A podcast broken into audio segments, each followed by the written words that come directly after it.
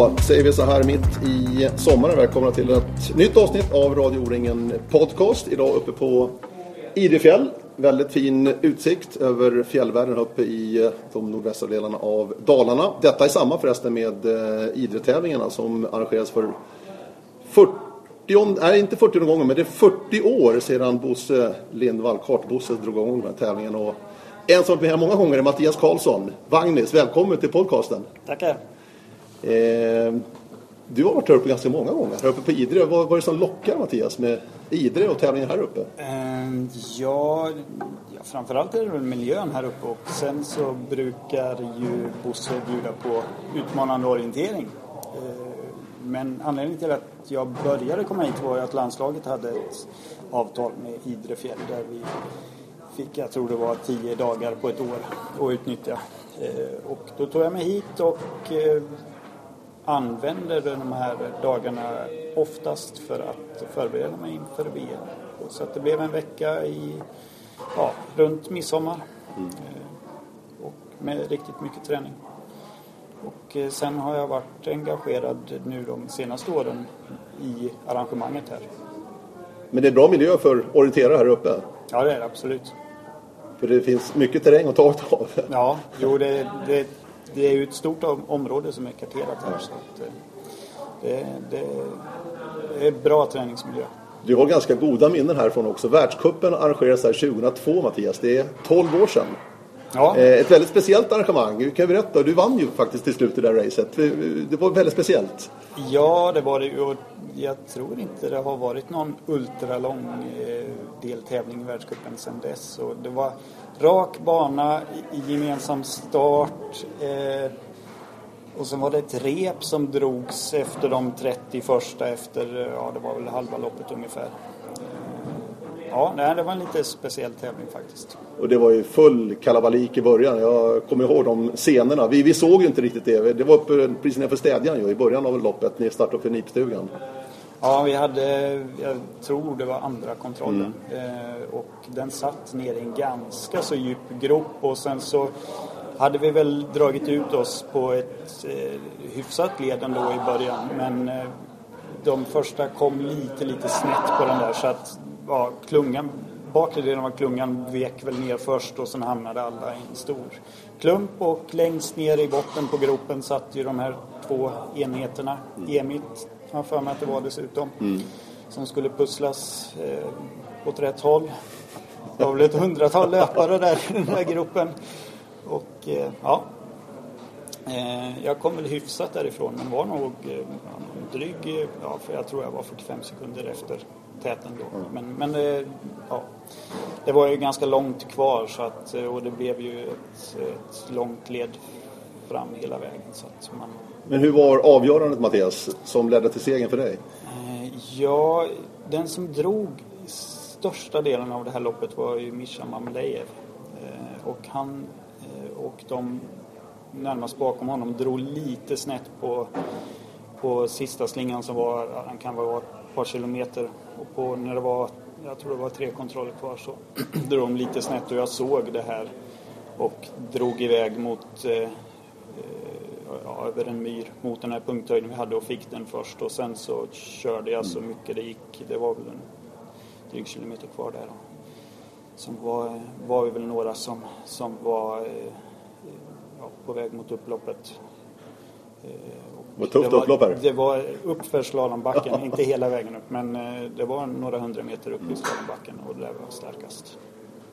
Ja, var en fin seger där. Ja, det var, och det var ju mitt första ja. år eh, liksom som landslags... Mm. Ja, åtminstone den omgången. Men jag hade haft väldigt bra eh, elitserieresultat och sådär på våren. Så att det var... Det hände mycket våren 2002 för min del. Ja, alltså vad, vad betydde den där segern för att 2003 var du med i guldlaget nere i Schweiz, VM-guldet i stafetten där tillsammans med Niklas Jonasson och Emil Wingstedt. Och 2004, två år senare, tog du silvret då på långdistansen, VM i Sverige. Så att måste ändå ha betytt mycket just den här segern för dig Mattias? Ja, det tror jag. Jag tror jag fick... Eh, det, jag fick ju reda på att jag var en av de mm. bättre i världen faktiskt. Mm. Så att eh, det gjorde nog att jag kunde göra lite, nej men jag kunde med ganska bra lugn eh, förbereda mig liksom inför de här. Sen var det ju, det var inte självklart att jag skulle ingå i det laget, det svenska laget som, som skulle springa VM och sådär så att det var väl fortfarande eh, platser att kämpa om så. Men, men jag visste ju att jag har liksom möjlighet att vara riktigt högt upp. Det dags för de här tävlingarna. Du så här i, i backspegeln tio år Mattias, vilket väger tyngst? Det där silvret du tog själv då, Sverige, hemma bakom Björn Wahlstad som tog guldet. Eller det där guldet i stafett i Schweiz. Eh, Är det svårt eller? Ja, det är det. De, de, är, de skiljer sig åt kan jag tycka. Jag tycker det, är- det är ju jättehäftigt att kunna säga att man är världsmästare. Och det, och det, det, liksom, det följer ju med på ett helt annat sätt. Sen kan jag vara mer nöjd liksom för min egen del med silvret på långdistansen. Att det var verkligen jag som gjorde och alla de förberedelser jag hade och liksom det var, det var inte bara det loppet utan det var, det var något jag gjorde under en lång tid. Eh, stafettguldet, jag ville ju springa långdistans i Schweiz så att det här var ju en distans som jag inte, jag, jag kanske hade siktat på den också men det var framförallt långdistansen som jag ville springa då. Så att det här blev liksom något jag fick kasta om sista veckorna inför, inför VM. Sen, sen är jag otroligt nöjd med den insats jag gjorde på det loppet. Så att, ja. Sen är det ju Niklas och Emil och jag liksom, det blir något speciellt ja, kring det där laget. Så det, det, det bär man med sig. Och, ja, vi, vi gör väl så gott vi kan fortfarande. Men svårt är det att vinna guld för att Sverige har inte tagit något guld på här sidan sen ni tog det där. Nej, för och 11 det- år sedan Mattias. Nej, och För det är svårt. det, det är det. Och vi, eh, jag kommer inte ihåg om det var 22 eller 23 eller 24 år Ja, i, innan eh, vi tog det då. Så att eh, de, de ramlar inte in varje år de där. Du eh, kallas för Vagnis. Ja, Vad, vad, vad kommer det därifrån? Du får ju berätta. Eh, Det är många som undrar. Ja, jag är eh, uppvuxen i Vagnhärad i Sörmland. Och eh, jag tävlade för Ankarsrum som då ligger eh, i Småland eh, utanför Västervik. Och de hade väl eh, smeknamn på de flesta där. Och då, ja, ja, men då fick jag heta Vagnes från Vagnhärad. Du har hängt med det där. Ja, det har det. Och det var något, jag kallades Vagnhärads Expressen av någon, någon, någon av de äldre där. Och eh, så förkortades väl det. Och så, ja. Okej. Men sen, eh, sen har det hängt med och det, alltså, det fick jag ju när jag var 10-12 år. Ja, det är festligt. Du eh, är ju engagerad nu i svensk orientering på landslagssidan. Ja, Eh, teknik och analys står det som ditt ansvarsområde om man tittar in på Svensk Orientering då, och hemsidan på webben. Eh, bara kort, alltså, vad, vad handlar det om och hur mycket jobb är det för dig? Alltså, det är inget heltidsjobb. nej det är det inte. Jag har ju ett vanligt heltidsjobb också. Ja, du har det? Ja. ja. Vad gör du? Berätta. Jag håller på med eh, stadsplanering Mm. på Jönköpings kommun. Är det ett heltidsjobb alltså? Ja, Du hinner med det? Eh, Ja, det Mm. Så gott det går. Jo då, jo men det, det, har jag. Eh, Så att eh, landslaget är eh, semesterveckor och lite, ja, det går alltid att Mm. pussla ihop på något sätt. Så att det, det jag gör är det mesta lägerveckor alltså som, som jag är med med landslaget och i stort sett bara fokus på VM-förberedelser. Okej, det, det, det är det du tar sikte på liksom? Ja, Ja. Sen, sen är jag väl lite ja, någon slags bollplank eller referensperson på, på det som, som sker liksom på utvecklingssidan. Har också på det, på, ja, jag, jag får mejlen och så här och det vi, vi gör mot, mot att utveckla orientering. Så därför är det intressant nu. Nu är det ju bara en och en halv vecka kvar till årets VM nere i Italien som vi drar igång i Venedig då med sprinten nästa helg. Och sen då tävlingarna uppe i Dolomiterna i trakten av Trento, Lavarone, Asiago. Uppe på hög höjd. Vad, om du bara ger en bild för oss som inte vet. Vad, vad väntar orienterare? Inte bara svenska utan alla världens bästa orienterare. Eh, Ja, det eh, är ju, vad ska man säga, det är ju någon slags föralpin terräng. Där det framförallt på långdistansen blir ganska öppen skog med eh, ja, det, det, kan nog både vara ganska storvuxen grans, gles granskog, alltså nästan så att det blir ja, på en del av kartorna vi tränar på är det ju som, som alp ja, det är blandat med skog och alpängar mm. och det blir ganska stora gläntor i de här så att det är ganska lätt framkomligt. Och bra sikt? Och bra sikt, eh, hyfsat bra sikt i alla fall. Och sen så finns det väl även en del områden med mera, ja det är väl lövskog med ja, bokskog och annat som är mm. också ganska fin och öppen. Och sen lite stenigt i backen och sen rejält kuperat. Så långdistansen kommer att bli, det tror jag kommer att bli, det ser ut att vara jättebra terräng för, för långdistans med, med vägval och sånt här. Okay. Och en fysisk bana. Mm. Sen på medel och eh, stafett som går vid samma eh, målområde då, är mera tekniskt och kanske lite sämre sikt och ytterligare ännu mera stenigt i backen och så här. Och, ja, lite bökigare och mer tekniskt. Mm. Vad är känslan då? Är, är, är, vi där? Alltså vi svenskar. Är det här någonting som vi kan hantera? Det tror jag absolut. jag tycker att vi har förberett oss eh, så gott vi, vi kan göra och eh, de, det känns som de har varit väl framme på de internationella tävlingar som har varit under våren. Så att, eh, jag tror det finns mycket goda förutsättningar för att vi kommer att göra ett bra VM. Du, hur, hur lägger ni upp planeringen nu inför Italien? Här? Ni har ju, vet var det ska gå någonstans. Mm. Och sen har ni ett antal kartor och områden som är karterade sedan tidigare. Ja. Är det så man bygger liksom prepareringen och förberedelserna inför det här? Eh, ja, vi... För ni har varit ganska mycket i Italien, i min känsla. Ja, det, och det, det är ju... Dels har vi liksom haft eh, organiserade läger där nere men det är ju många som spenderar mer tid utöver. Och nu är ju de allra flesta är ju där nere nu och har varit sedan ett par veckor tillbaka. Så att, eh, det är mycket tid som läggs på plats och det, det, det tror ju jag är ja, det viktigaste man kan göra. Det är att vara i, i den terrängen och lära sig för att man eh, ja, det här kom, är man mycket där så kommer det är så mycket som kommer automatiskt efter ett tag. Man liksom känner igen sig och man behöver liksom inte fundera på hur var det jag skulle göra när det ser ut så här utan man bara kör. Mm. Men äh, ja, nej men vi, vi försöker väl att få äh, utifrån det kartmaterial som finns och vad vi kan hitta på liksom, det finns ju även oftast motsvarande lantmäteri i andra länder och man kan hitta kartmaterial och se lite hur kupering och sånt där ser ut så försöker vi väl eh, lägga så relevanta träningar vi kan runt omkring på de kartor som, som finns. Mm.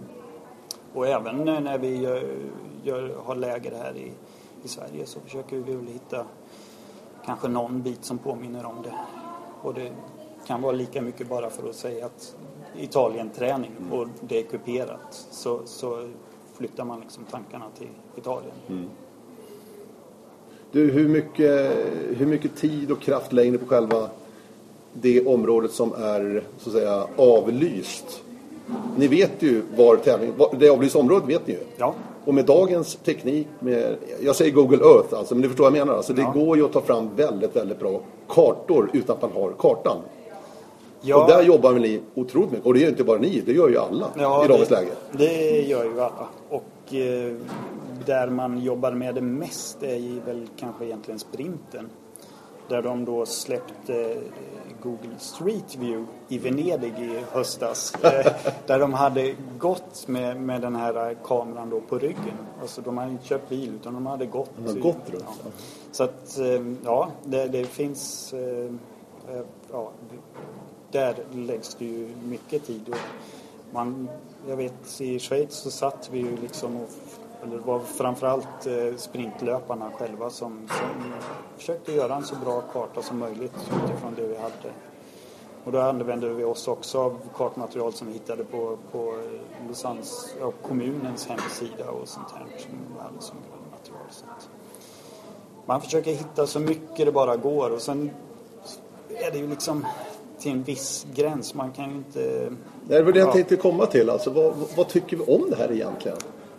Eh, Jag vet, alltså, ni gör ju inget regel, regelfel, det gör Nej, ingen. Alltså, nej, det, det, är ju, det är liksom uppenbart att man ska göra så här. Men, men någonstans måste det finnas en gräns. Ja, och, och den... Eh, oftast tror jag man som löpare, eller man bör nog i alla fall fundera. Ger det här något? Kan jag göra något annat med den här tiden? Jag kanske ska springa intervaller eller vad som helst. Det är liksom...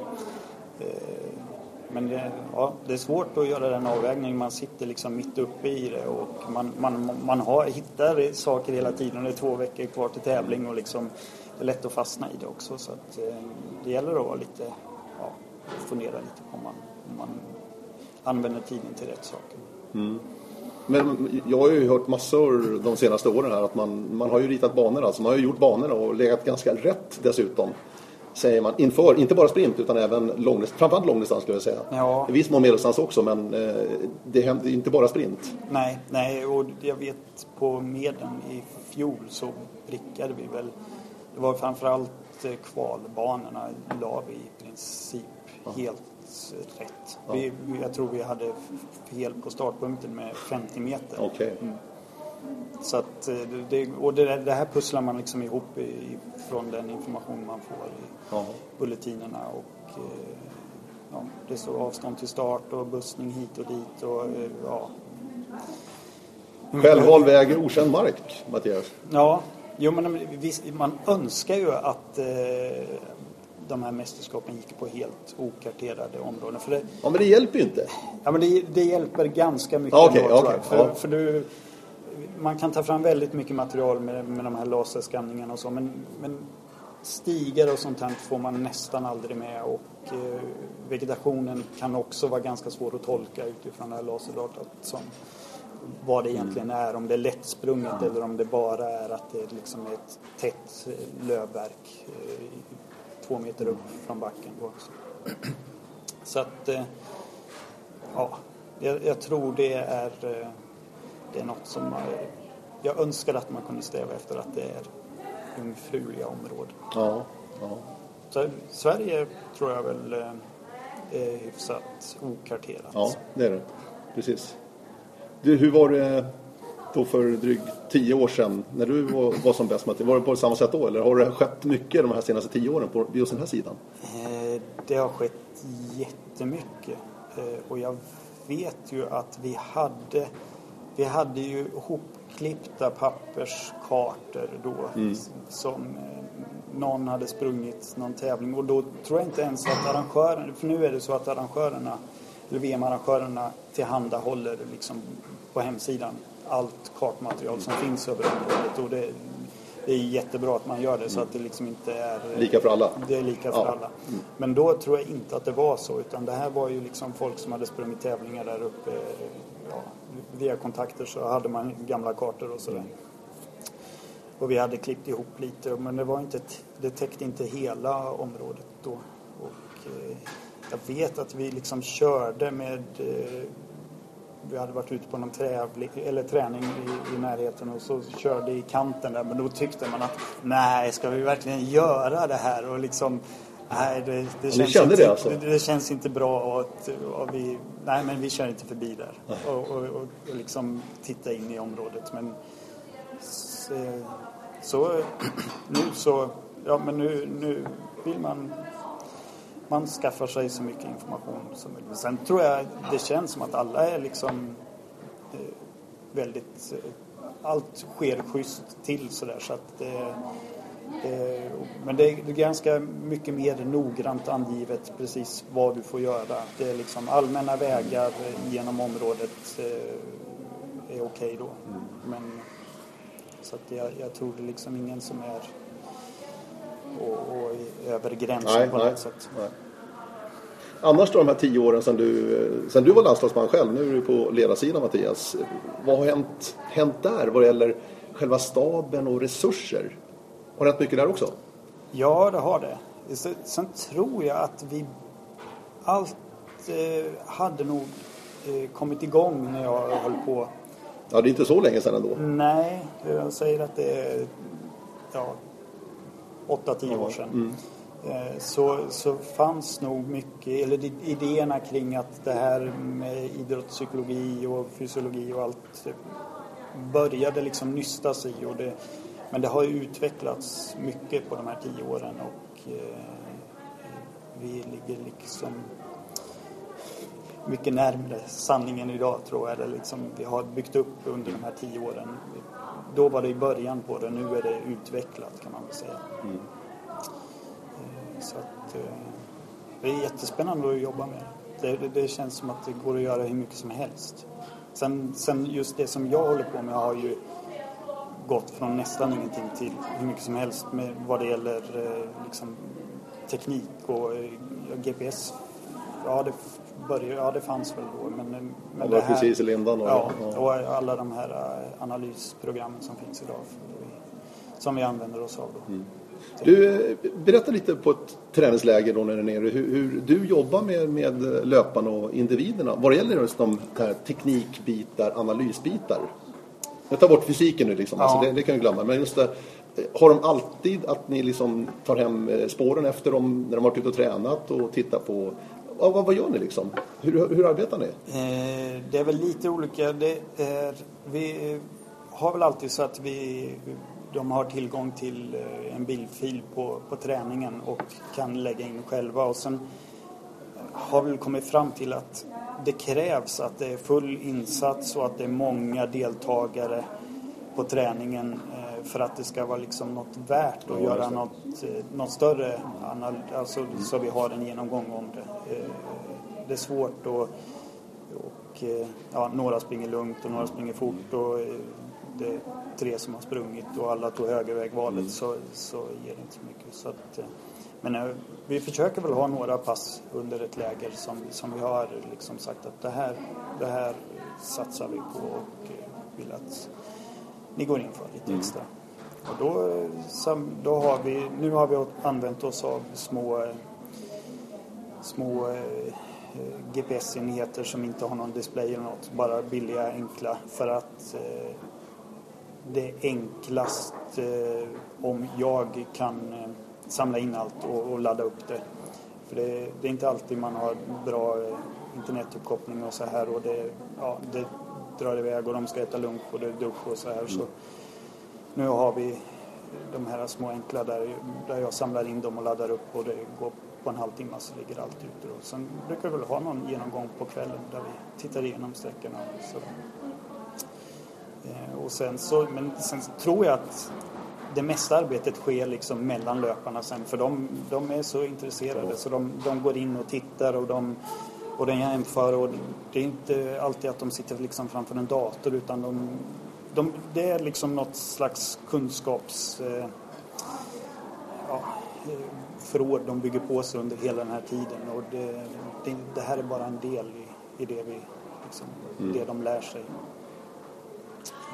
Men det är ett, det är ett jättebra hjälpmedel. Sen försöker vi utnyttja eh, relevanta tävlingar som går i, i samma terräng. Så, och titta på vägval och sånt där. Du, träningar där nere då, om du pratar Italien nu specifikt. Är det du pappa till banor och så? Jag menar, det finns ju officiella VM-träningar också. Mm. Men sen kör ni eget också naturligtvis. Är, är det du som är liksom, ser till att det blir relevanta banor och sånt där? För det måste också vara jätteviktigt. Ja, man kan säga att det är väl jag och Håkan tillsammans som ser till att vi har ett bra utbud. Och nu är det ju faktiskt så just i Italien. Vi har ju varit där nere så mycket så att Eh, Eh, och jag har ju inte så mycket mer tid än det jag lägger under en vecka till att liksom jobba med det. Så att, eh, eh, det brukar alltid vara några banor som jag lägger inför varje läger. Och sen så har vi nog utnyttjat eh, det mesta där. Och sen har vi ett jättebra utbyte mellan landslagen. Så att vi delar med oss och bjuder in och vi har tränat med Norge och Tjeckien och fransmän och finnar. Och vi byter banor med varandra så, där, så att det, och det underlättar ju enormt och det tjänar ju alla på. Mm. Du sa det att det, det, det, finns väldigt mycket kartor där nere. Ja. Alltså områden som är karterade. Ja, det, det måste vara ganska unikt ändå liksom. Ja, jag, jag, har, jag har inte varit där nere orienterat tidigare men de, de verkar ju... Det har ju liksom varit tävlingar i de här områdena förut. De har ju några italienska fem och sånt där. Och eh, det gick väl just på den kartan där långdistansen går. Nu gick det väl för ett tiotal år sedan tror jag. Och även på medeldistansen tror jag de har haft dem med. Sen, sen är ju de områdena, medeldistansen är det som är avlyst finns faktiskt ganska mycket material som är inte karterat. Det, det är liksom en, en dal kring målet, en ganska smal karta som går men det finns även en hel del som, som vi inte har kartmaterial på. Nej, men det, och det är ju, det är ju tacksamt när det är så. Vad är känslan när det är en och en halv vecka till VM? Känner ni att ni har gjort allt vad ni har kunnat så att säga, för att eh, preparera löparna på absolut bästa möjliga sätt? Så att nu är det upp till dem. Ja, sen, sen kan man inte veta. Alltså det, efter VM så vet vi om vi har... Ja. Men vi, vi, ja, jag tycker att vi har... eh, De har haft... Ett, det finns ett jätteutbud att träna där nere och eh, vissa kartor kommer vi väl att anse att, att de inte är relevanta i efterhand sådär. Att, men vi, vi har nog rätt så bra koll på vad, vad vi har gjort och vad som väntar. Så, det tror jag. Nu är ju, eh, inte alla, men många är ju, har ju varit nere sen, eh, sen Jukkola i princip. Och kommer stanna nu till VM och naturligtvis över hela VM-veckan. Vad beror det på? För att det har inte varit med tidigare, att de har varit med så länge innan ett mästerskap. Nej, det är... En Är det del- höjden? En del beror på höjden och eh, man kan väl säga att det är två delar i det. det dels så, så eh, försöker man väl göra någon form av liksom höghöjdsformtoppning då. En- del löpare. Och sen gäller det väl även att akklimatisera sig till höjden och eh, det här är, är en del i det upplägget. Sen ställer det ju till det lite med att sprinten då, som går i Venedig, går på havsnivå och sen så är vi uppe och tävlar på 1500 meter. Eh, och Är det de som- 1500 ungefär? Som, Ja, någonstans. någonstans Ja, det är ganska eh, högt då. Ja, 14-1500 kommer det nog gå upp som högst på. Ja, på, på medlen kan det nog faktiskt bli upp mot 1700. Och det är ju, det är ju faktiskt ganska högt. Ja, det är.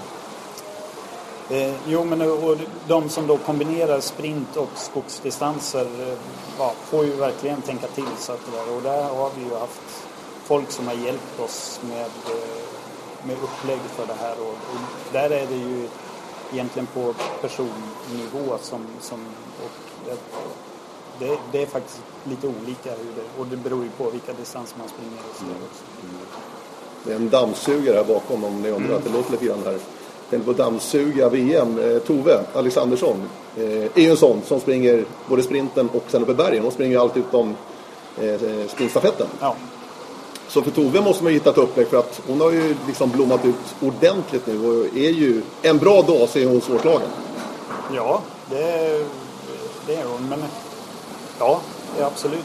Och eh, jag tror nog att eh, Tove och Håkan har nog diskuterat det här mycket och jag, det är, allt är nog liksom helt klart där och vet, Tove vet nog vad hon ska göra. Eh, det tvivlar jag inte en sekund på. Du, vad ser du Tove, alltså rent tek- vi har pratat rent tekniskt nu liksom. Vad, vad är hennes styrkor Mattias, som du ser det? Hon, hon har varit uppe under hela sin resa, hela sin karriär. Från ungdom, junior till senior. Det är ganska unikt att man håller hela vägen. Ja, Vad gör hon så duktig? Jag, ja, nej, jag är... Eh, ja, jag, jag vet faktiskt jag kan, jag kan inte Tove så bra så att jag kan säga så, men jag, jag känner ju att hon har ju en enorm vilja och eh, vet liksom vad hon ska göra. Hon är väldigt målmedveten och eh, hon är nog säker på sig själv också liksom, och vet vad hon kan. Men hon har, på mig har hon imponerat otroligt, framförallt orienteringstekniskt. Eh, I och med att hon är så pass löpstark och springer så pass fort.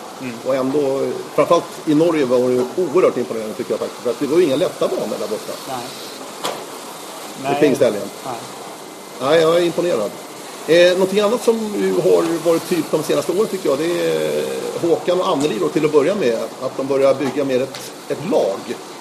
Att försöka skapa en teamkänsla bland alla dessa otroliga individualister som det egentligen är. Kände du också att det här har blivit någonting annorlunda de senaste åren? Just den här utvecklingen alltså? Mot Ja. att det är en annan sammanhållning kanske i landslaget? Ja, det, det, det tror jag absolut att det har. Att vi, framförallt så känns det som att löparna är, väldigt delaktiga i hela liksom vårt, eh, ja, vårt landslags... Eh, ja, landslaget alltså. De, de, de, de är med och ger, delar med sig. och Så här, och även det här med träning. Alltså, vi är ganska öppna utåt. Vi tar hjälp av andra landslag och det är mycket utbyte liksom mellan, mellan löpare. Och vi frågar ju Thierry i Frankrike om han liksom kan du inte lägga en bana åt oss som du tror är relevant? Och han, ja, ja absolut, det gör jag, jag hjälper er och vi ger tillbaka till dem. Och det, så det, vi liksom plockar väldigt mycket och alla är med och delar med sig av sin kunskap. Så att, eh, ja, jag, jag tror det är jättebra. Mm. Du, när ni är nere sådär i Italien och preparerar, är, är det bara teknikträning hela tiden då? Eller är det bara rena löppass också? Att är ut och... Förstår vad jag menar? Att, att det är variation också? Ja, Eller hur lägger man upp det? det är det ju. Egentligen så funkar väl de här veckorna, särskilt nu när, när, eh, när truppen är uttagen och så här, att vi har, vi har, vi har faktiskt ett helt rum på hotellet där det bara ligger träningar på, på sängar och på golv och på skrivbord. Eh, där allt, eh, mycket av det som liksom vi har gjort under det här året, eh, gamla träningar, men alla har ju inte varit med på allt eh, sådär. Så att där plockar man det man behöver. Eh, och eh, det, finns, det finns en stomme någonstans men det, man, man, man tar det man själv liksom vill ha och så pusslar vi ihop det på bästa sätt. Och sen eh, är det ju mycket teknik där när vi är på plats men det är ju ofta som vi, vi just i Italien så har det varit mycket sådana här toppturer där vi ja, ett lugnt pass upp på en topp och då lägger man ett par timmar eh, på en förmiddag där de tar sig lugnt upp till toppen och tittar lite och så joggar man ner igen. Eh, och sen är det väl en del som kör rena löp, eh, intervallpass och så också. Så, så det, är, det är mycket teknik men de flesta lägger in något annat. Sen blir det ju, försöker vi se till så att det alltid finns möjlighet till eh, springa vatten och, och gym och så. Du var ju framförallt duktig på långdistans, Mattias. Det var ju din likör. Ultralången här då i, i eh, Idre. Men långdistansen var ju din, din grej verkligen. Känner du idag att de här killarna och tjejerna som nu ska springa VM, att de, de kommer till dig och liksom försöka få, inte råd kanske, men förstår lite grann ändå ett bollplank på ett bra sätt? För att långdistansen är ändå någonting som Sverige inte har varit sådär jätteduktiga på om vi ska vara ärliga. Ja, det, nej vi har... Nej. Ja, det- Inte VM-sammanhang. Nej. Men det är faktiskt ännu sämre på medel. Ja, Där har vi... faktiskt. Konstigt nog. sämre, men, men vi är guldet. Ja. Men just det här långdistansgulden då någonstans. Ja. Jo, jo men så, det... Ja, jag vet inte. Fredrik och jag har väl haft lite... Vi har inte något samarbete så, men visst ja, det känner jag att eh, han gärna vill stämma av lite sådär. Och vi brukar nog se till att det alltid liksom... Ja, men som EM så var vi ute och sprang på Model Event-kartan där ett pass tillsammans. Och liksom, ja, vi, ja, men, men så är det kanske med, med andra löpare också. Men, men, men Fredrik har jag känt att, att vi är liksom... Eh, ja, han är ju en utpräglad långdistansare så att... Eh, där har vi väl liksom stämt av lite sådär. Så att, eh. Och det gav ju utdelning på EM. Ja, En medalj där till Fredrik, det var ju fantastiskt. Riktigt imponerande alltså. Kan de räcka, de svenska grabbarna och tjejerna nere i Italien? Det, tror jag absolut. Det, det, det finns alla möjligheter att få framskjutna placeringar på lången. Det skulle ju smaka fågel faktiskt. Med ett långguld. Det är länge sedan. Ja, Så är det. Eh, Mattias Karlsson alltså som eh, är inblandad i den svenska landslagsverksamheten. Vi ska avsluta det här nu Mattias med lite O-ringen tänkte jag. För där har ju du också satt dina spår väldigt tydligt. Vad gäller arenauppbyggnad. Du sa ju att du jobbar på Stats... Stadsbyggnadskontoret. Just det. Du utbildar landskapsarkitekt eller hur var Jag det? är, utbildningen heter fysisk planering. Ja. Eh, men jag brukar säga att jag håller på med stadsplanering. Ja, ja. Hur som helst så är du pappa till eh, den här arenan som ju eh, första gången användes i Mjölby 2007 ja. under O-ringen där i Östergötland. Mm. Alltså den här där man kommer in bakom målet och springer som, ja, som ett friidrottsvarv ungefär. Ja. Blir det. Som används och vill användas. Jag vet att O-ringen vill verkligen använda det här så ofta det verkligen är möjligt. Det är inte mm. alltid det är praktiskt möjligt. Nej. Men så ofta. Vad, vad var tanken bakom det här Mattias från början? Eh, ja, nu, det känns som det var rätt länge ja. sedan. och nu har jag inte varit inblandad de senaste... Ja, men det är ju sju, åtta år sedan vet du. Ja, ja. Jo. Eh, nej, men tanken var väl att framförallt att det skulle vara eh, lätt att se. För det, eh, som vi brukar göra på de vanliga, lite mindre tävlingarna så lägger vi liksom upploppet i, i ytterkant av den här åken eller vad vi har. Och sen så står publiken liksom i mitten. Mm. Och det gör att du, du får en, liksom en ytter... Ja, det är som att vi ställer publiken på fotbollsplanen. På en friidrottsarena så står publiken på fotbollsplanen. Och det gör ju att man ser ju inte löparna annat än precis när de passerar. Så det var ju någon slags grundtanke jag hade. Och eh, eh jag vet att jag fick lite inspiration från den eh, gamla Olympiastadion i Aten. Alltså mm, den, just det, ja. Om man, om man googlar på det mm. så ser man liksom eh, ganska tydligt. För den, den har dessutom in, den är inte sluten alltså utan den, är, mm. den ser ut som de här upploppen. Mm. Och att läktarna är runt omkring då. Så att löparna i mitten och så publik eh, utanför och sen ytterligare ett steg utanför så skulle liksom alla tält och sånt här vara. Mm. Och eh, ungefär som man tänker sig att en, en konsert är uppbyggd så skulle spiken då eh, vara var vänd ut mot publiken och all administration, all, alla de här fula tälten och bilarna och sladdarna och allt möjligt det ska man gömma bakom. Gömma bakom. Mm.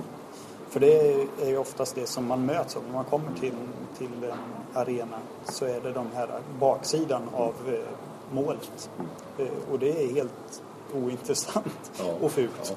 Ja. Men du har varit med många år, men hur har det fungerat tycker du? Eh, jag tycker nu var jag ju väldigt inblandad i Mjölby mm. och jag måste nog säga att jag tyckte att det funkade ja. alldeles utmärkt. Verkligen. Mm. Ja, jag håller med dig. Jag tycker det funkar fortfarande väldigt, väldigt bra. Ja. Jag gillar det upplägget. Mm. Just som, att, som, du säger att man kan verkligen välkomna alla ja. med en trevlig, mm. trevligt ansikte. Mm. Och inte se en massa tält och trailers bara. Utan... Ja, och sen så var väl eh, just det här var det väl mycket fundering kring det här med storbilden. Att mm. den skulle vara vänd åt ett håll som kändes naturligt att alla tittar åt. Mm. Och inte att det är bakom. Alltså, tittar man på storbildsskärmen så ska man samtidigt se löparna live. Mm. Eh, och eh, det är ganska tråkigt när alla står och tittar åt ett annat håll och så går löparna i mål ja, bakom ryggen. Ja. Det blir nog, eh, ska vi se hur det ser ut i år, det blir något, ett par arenor tror jag i år faktiskt på det sättet också. Ja. I Skåne, mm. vad jag vet. Eh, avslutningsvis, Eh, Mattias, jag glömde en sak här som jag tycker är intressant att ta upp faktiskt. Och det är ju det att eh, framförallt på här sidan när det kommer till VM i Italien så får vi inte se de bästa orienterarna på alla distanser. Nej. På grund av programmet. Ja. Eh, I Sverige har vi ett jättebra exempel i Gustav Bergman. Som har varit Sveriges absolut bästa orienterare, kanske världens bästa här under våren. Och framförallt på långdistans. Mm. Där han har varit oerhört imponerande. Mm. Och väljer alltså bort långdistansen nu till VM. Mm. Det känns, jag tycker det känns öken faktiskt. Jag gillar inte det här alls. Nej. Vad är men... din åsikt alltså om, om det här? Nej, jag, jag gillar nu, alltså, nu ska jag inte kritisera Gustavs val. Nej, men, nej, nej, nej, det är inte det vi pratar om. Utan det är, det är programmet som gör ja. att han gör det här valet. Ja. Eh, nej, men det har, det har varit ett problem ända sedan jag sprang. Eh, att, eh, att inte de bästa löparna eh, springer på, på varje distans. Och jag vet inte, någonstans kändes det väl kanske bra att, att kvalen försvann men sen har det, kommer det liksom nya discipliner hela tiden så att programmet är ju lika omfattande som, som det var en gång. Så att eh, jag, vet, jag är väl en vän av idén att bryta ut sprint eh, och köra vartannat. Jag har alltid tyckt att VM ska gå vartannat år och en kompromiss skulle kunna vara sprint ena året och skog nästa år. Och det, då borde det gå att få till tycker jag. Mm. Det känns som att den idén börjar mogna mer och mer hos många tror jag. Så jag, ja. jag, jag, säger som dig, precis. Och jag vet många som säger som dig också. Ja. Som vill ha det här. Och jag tror att IF kanske är moget att ta det beslutet ganska snart. Ja, och, och det känns som att eh, de, det blir en enorm belastning på de här arrangörerna. Eh, som, eh, och vi märkte väl av det på EM då. Eh, det blir svårt att klara av det helt enkelt. Med så, så många lopp på, på, på en vecka. Mm. Jaha, avslutningsvis, du åker till Italien snart. Ja. För VM. Ja. Eh, Sverige har inte tagit något, något guld där, vare sig i Schweiz 2012 eller i Finland 2013. Däremot Frankrike var ju ett gyllene VM för Sverige. Vad känner du? Vad, vad, vad, är, vad är magkänslan när du åker ner? Kommer det bli bra VM för Sverige tror du Mattias? Ja, det kommer bli ett jättebra VM. Det, du tror det? Ja, det, det tror jag. Eh, sen eh, eh det ska väl liksom... Ja, Frankrike var ju... Där bara ramlade du in hela tiden. Och det, det var väl lite extremt men det finns ju jättebra möjligheter att vi kommer någonstans i närheten av, av det. Det, det. det, känns som att alla löpare de är bra förberedda och formen ser god ut och de har varit bra med under hela våren här så att eh, det, det kommer bli spännande. Och det är ju tv-sändning också så att det går att följa det direkt. Verkligen. Mm. Eh, tack Mattias Karlsson. Tack. Trevligt sällskap här på Radio O-ringen. Podcast alltså eh, här i slutet på juni månad. Det kommer en podcast till innan O-ringen. Och den får ni inte missa för den är med Mr O-ringen himself, P.O. Bengtsson nämligen, som kommer i veckan innan O-ringen. Eh, ha en bra sommar hörni och eh, häng alltså med på SVT vad det gäller orienterings-VM i Italien. Tack så mycket. Hej då.